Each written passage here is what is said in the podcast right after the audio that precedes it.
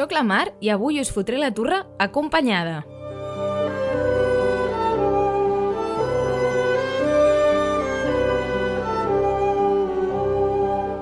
Després de molt pensar, per començar aquesta nova temporada de l'Orella Furtiva, he decidit que us portaria un episodi bailongo.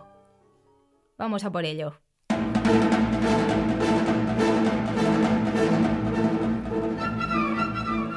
Avui, ja d'entrada, aviso a les navegantes que la playlist serà més masculina que de costum.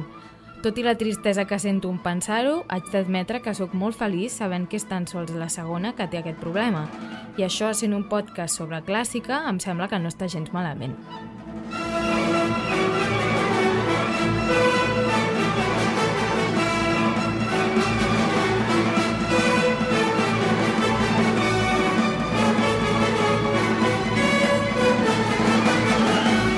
Aleshores, com és que ha passat això? Doncs perquè avui parlarem de ballet. I si ja va ser difícil fer el capítol d'òpera, aquest encara ho serà més. Però no decaigueu, no hi ha res impossible i menys trobar dones magnífiques que hagin fet música magnífica.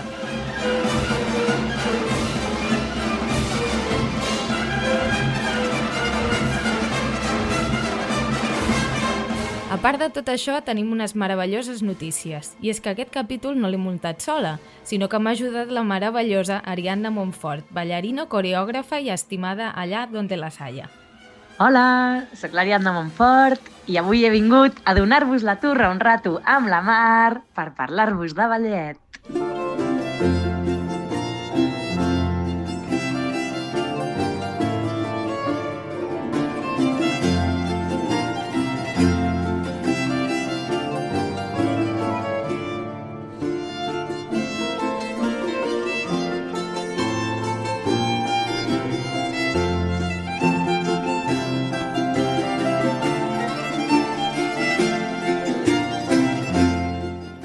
No podia ser d'una altra manera, començarem amb una miqueta d'història. El ballet, com una peça musical ballada occidental i europea, va néixer a la cort reial de Caterina de Medici. Sota el seu poder, els ballets van anar movent-se per Europa i es van convertir en un superhit. Estem parlant dels segles XV i XVI.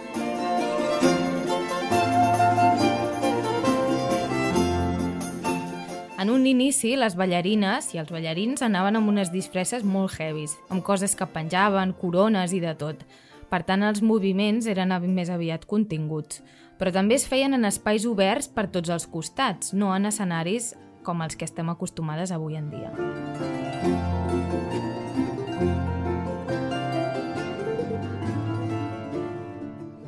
Ens hem d'imaginar que els ballets eren una barreja de teatre, música, dansa, una mica com els musicals d'avui en dia. Però clar, la majoria només els podien veure les afortunades que estaven en les corts reials de l'època.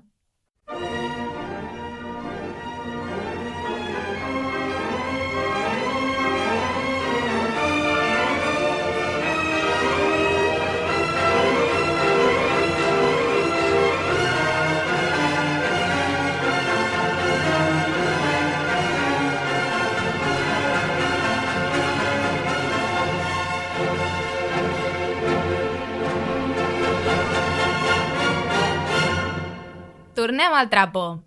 D'on ve el ballet clàssic? Doncs pel que jo sé, el ballet clàssic es pot remuntar a les corts reials del segle XVI i XV, com dèiem abans, sobretot a la del rei Sol, a.k.a. Lluís XIV, un que ja sabem que era amiguet de l'Elisabeth Jacquet de la Guerre, gran compositora francesa. En l'època d'aquesta gran cort francesa es va fundar l'Acadèmia Reial de Dansa Francesa, exactament el 1661, per establir uns estàndards i crear, com ja us podeu imaginar, una acadèmia d'aquestes que els agraden tant als senyors. No cal dir que els hi va costar poc col·locar un col·lega, en aquest cas a Jean-Baptiste Lully, de dire de l'Acadèmia Reial de Música, i per tant d'aquí va sortir l'Acadèmia de Dansa. Tots estaven allà.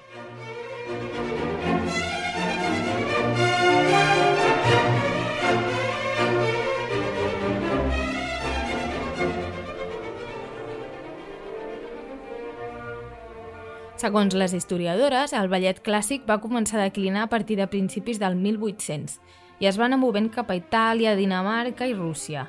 Més tard, un senyor anomenat Sergei Diaghilev es posaria davant dels ballets russos i es faria mega ultra famós. Es diu que també va ser un dels impulsors del ballet modern.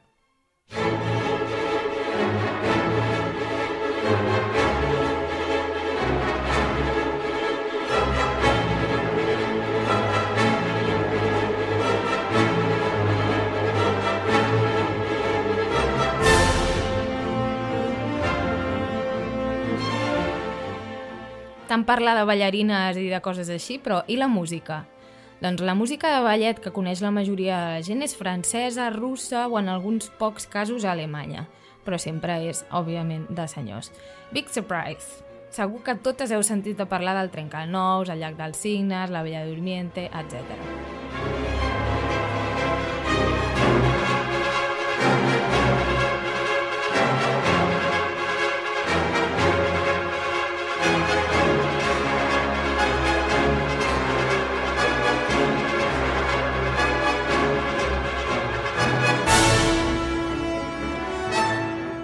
La majoria de ballets, igual que la majoria d'òperes, es fan a partir d'històries que sovint ja existeixen i que de vegades surten de la tradició local i dels contes típics.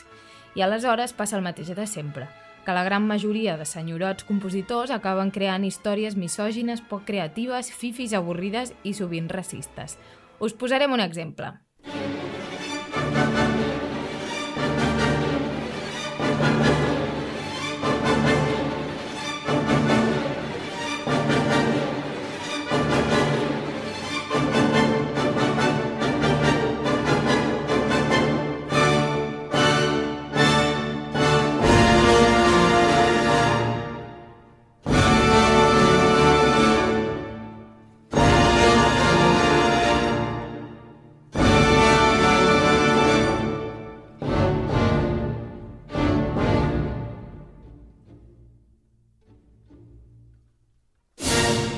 Havia una vegada una xavala que es deia Giselle, que segons diu la història era una bleda assolellada i es passava els dies ballant i contemplant els paisatges.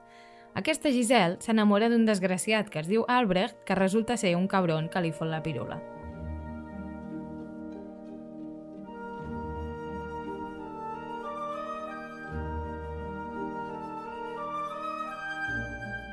Com no pot ser d'altra manera, perquè a totes ens passa sovint, ella mor de desesperança i aleshores l'Albrecht s'ha d'enfrontar al fantasma de la pobra noia morta. Sí, ja, ok. Ara ve lo bo.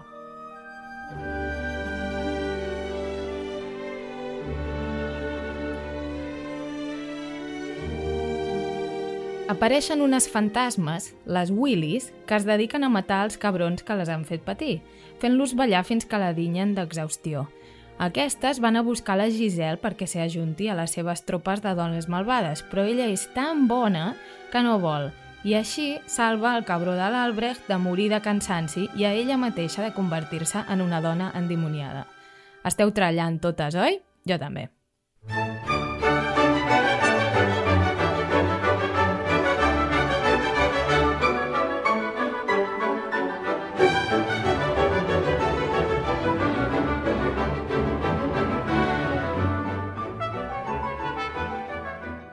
Big Surprise. La tradició musical dels ballets clàssics es basa en l'objectificació corporal i simbòlica de les dones.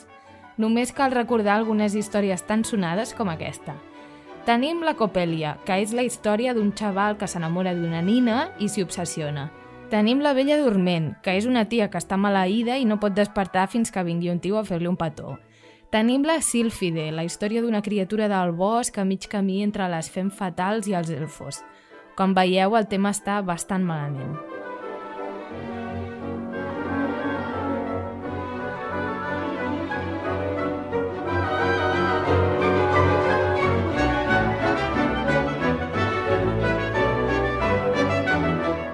Allò que algunes feministes han anomenat com a male gaze o la mirada dels homes vers les dones ha trobat el seu lloc en el ballet clàssic i s'hi ha revolcat de lo lindo. En el cas de les coreografies, anem a veure què passa. Pel que fa al gènere, dins de la coreografia en el món de la dansa clàssica, malauradament anem fatal de dones coreògrafes, ja que la ballarina sempre ha sigut la musa bonica i delicada, la intèrpret, la protagonista del ballet, vaja. Si us hi fixeu, en els ballets és habitual mirar sempre la ballarina i no tant el ballarí durant els duets, ja que les coreografies en general estan fetes per posar en valor la figura de la ballarina. És a dir, sempre és l'home qui aixeca la dona, sempre és l'home qui fa girar les piruets a la dona... En els duets del ballet, l'home, en definitiva, és el que acompanya i sosté la ballarina, que és la que brilla amb el seu tutú preciós. Això ha fet que, en general, les nenes vulguin ser la bonica ballarina, ja que és lo vistós i és lo atractiu així d'entrada. I per tant, ni tan sols es plantegin voler ser coreògrafes. A veure, parlo sempre en general, eh? Òbviament hi ha sort que hi ha de tot en aquest món. Però, vamos, que sigui com sigui, i a part del patriarcat heavy metal que trobem dins del món de la dansa clàssica, els homes s'han trobat amb menys pressió que les ballarines del de l'escenari i han tingut potser més temps, més espai i més facilitats, gràcies patriarcado, per a desenvolupar-se com a coreògrafs. El fet que hi hagi moltes més nenes que vulguin dedicar-se a la dansa clàssica que els nens, gràcies de nou patriarcado, Tampoc ajuda en termes de la pressió i la competència amb la que ens hem trobat les dones dintre d'aquest món. No obstant, tot i que molt poques en relació als homes, sí que hem tingut dones que s'han acabat dedicant a la coreografia de la dansa clàssica, com per exemple l'irlandesa Ninette de Valois, que és la fundadora del Royal Ballet de Londres, o la Bronislava Nijinska, que fou coreògrafa dels ballets russos i és amb Isadora Duncan, Mary Wickman, Loie Fuller, Ruth Saint-Denis o Gret Paluca, una de les pioneres que va obrir camp de la coreografia a les dones.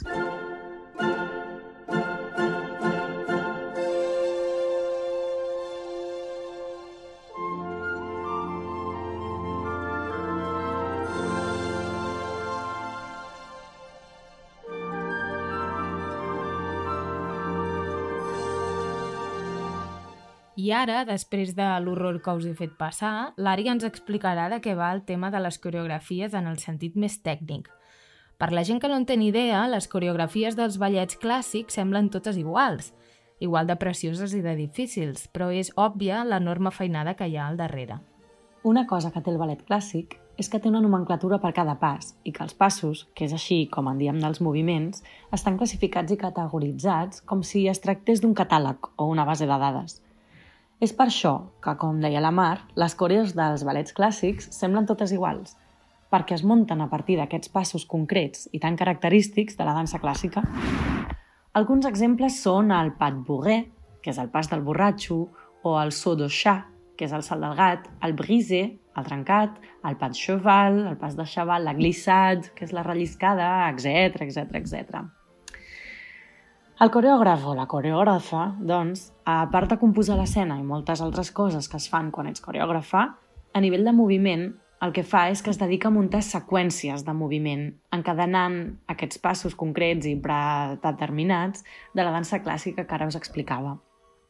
És a dir, que no hi ha una recerca de moviment per trobar la qualitat i l'estil que caracteritzarà aquella obra o aquell coreògraf o coreògraf en qüestió, com passa amb la dansa contemporània, nosaltres en la dansa contemporània, durant un procés de creació, dediquem un temps a la recerca de la fisicalitat d'aquella obra i, per dir d'alguna manera, ens inventem els moviments. Però tornant a la dansa clàssica, el que fa un coreògraf o coreògrafa és com tirar d'un catàleg i fa seqüències de moviment del tipus, per exemple, piqué arabesque plié, pas de d'ici, si sont fermes tenus, entrechacat. Vale?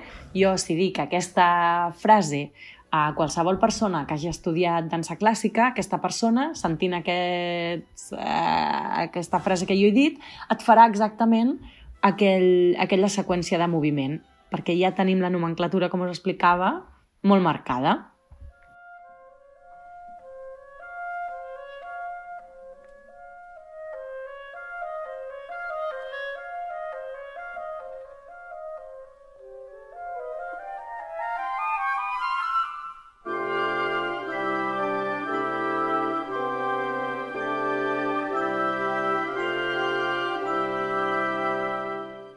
Com no podia ser d'altra manera, al ballet institucional i caspós no li falta el racisme.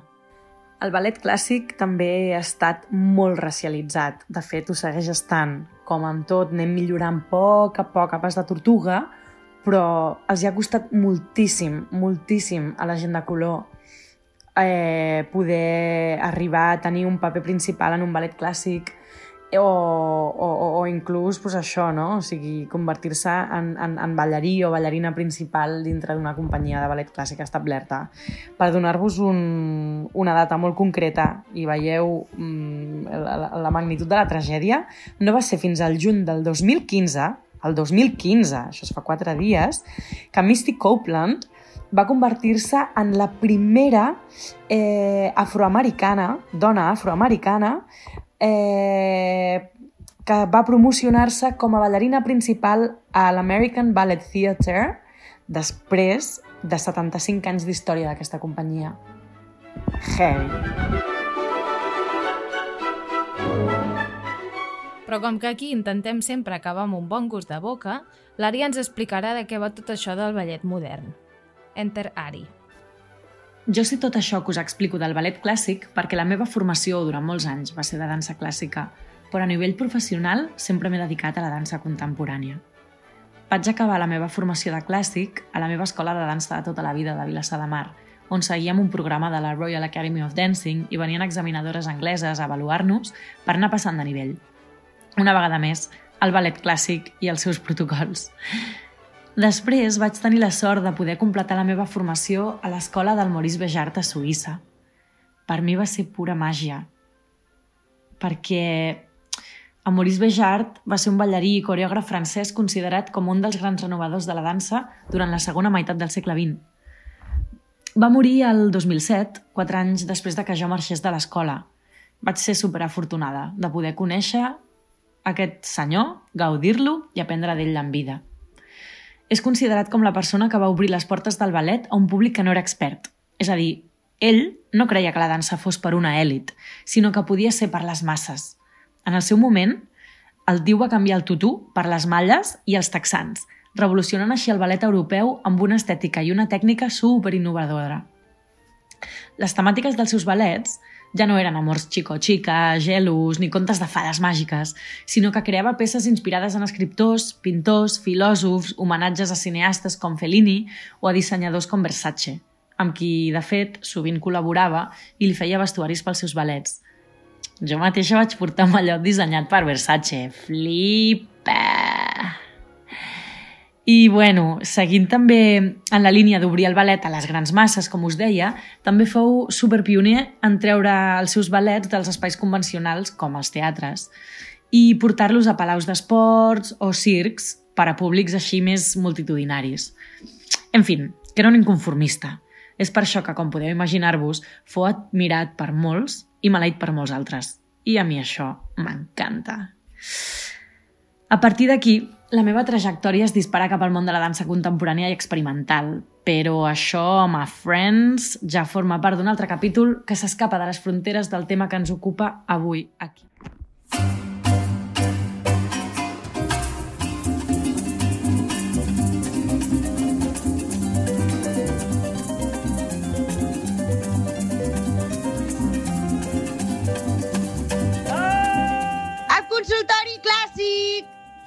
Hola, Mar, bonica. Ens podries fer un top 5 àlbums que t'emportaries a una illa deserta? Doncs, a veure, seguríssim que m'enduria un àlbum que es diu La música nell'estrade del regno di Napoli, que és de l'Ensemble Acordone, que són amiguets de la nostra amiga Cristina Pluar i l'Arpeggiata. Després no podria deixar-me l'àlbum de la pianista Beatrice Rauchs, que toca la música per piano de Fanny Mendelssohn Hensel. Òbviament, tampoc podria faltar l'àlbum recopilatori de la música gravada de la Emma Hoy Segue Mariam Gebru, una nostra amiga que ja sabeu qui és, i potser per tenir algú bailongo m'enduria un àlbum que es diu Horizon Unlimited de les Lija Sisters, que no té res a veure amb clàssica, però que és molt guai. I després no podria evitar endur-me algú del Richard Strauss. Segurament un mix del Rosencavalier, el Don Quijote, Mort i Transfiguració o alguna així el consultori clàssic. Escolto un altre programa, de vegades no només escolto l'orella furtiva, és un programa de la BBC 3 uh, de música clàssica on entrevisten gent de la música clàssica i parlen de música pop que els agrada, d'altres gèneres. de heavy, de techno i tal. I mm, a mi m'agradaria molt un dia que, que fessis un programa parlant d'això o com a mínim que tinguéssim la sensació que en el món de la clàssica no només s'escolten e-, ells mateixos, sinó que també escolten altres coses i els agraden. I això m'agradaria molt. No sé si és una pregunta, però vaja, potser sí que hi ha algú molt conegut del món de la, de la música clàssica que és famós perquè li agraden altres coses, o fa versions o, o el que sigui. Una altra pregunta. Adéu. Doncs aquesta reflexió de la Montse, reflexió barra pregunta, que és molt interessant, m'ha fet venir moltes ganes de començar jo mateixa una radio station de música que no sigui clàssica, perquè, òbviament, la gent que estem vives i que ens agrada la clàssica també escoltem músiques d'altres llocs. A veure, hi ha algunes friquis que segurament només escolten clàssica, però jo em posaria la mà al foc i diria que la grandíssima majoria de persones que ens agrada la clàssica ens agrada de tot també és veritat que no a tothom li agrada el punk o jo què sé, o el grunge o el garage o no sé què, o el techno, no? Però això passa amb tot, diria jo. El consultori clàssic!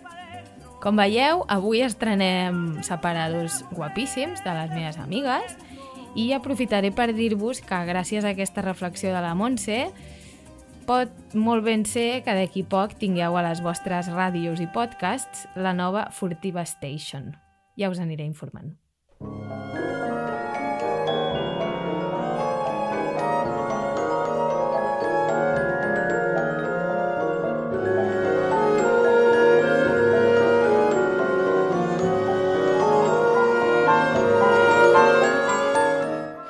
Doncs fins aquí el capítol d'avui, estimades i estimadíssimes.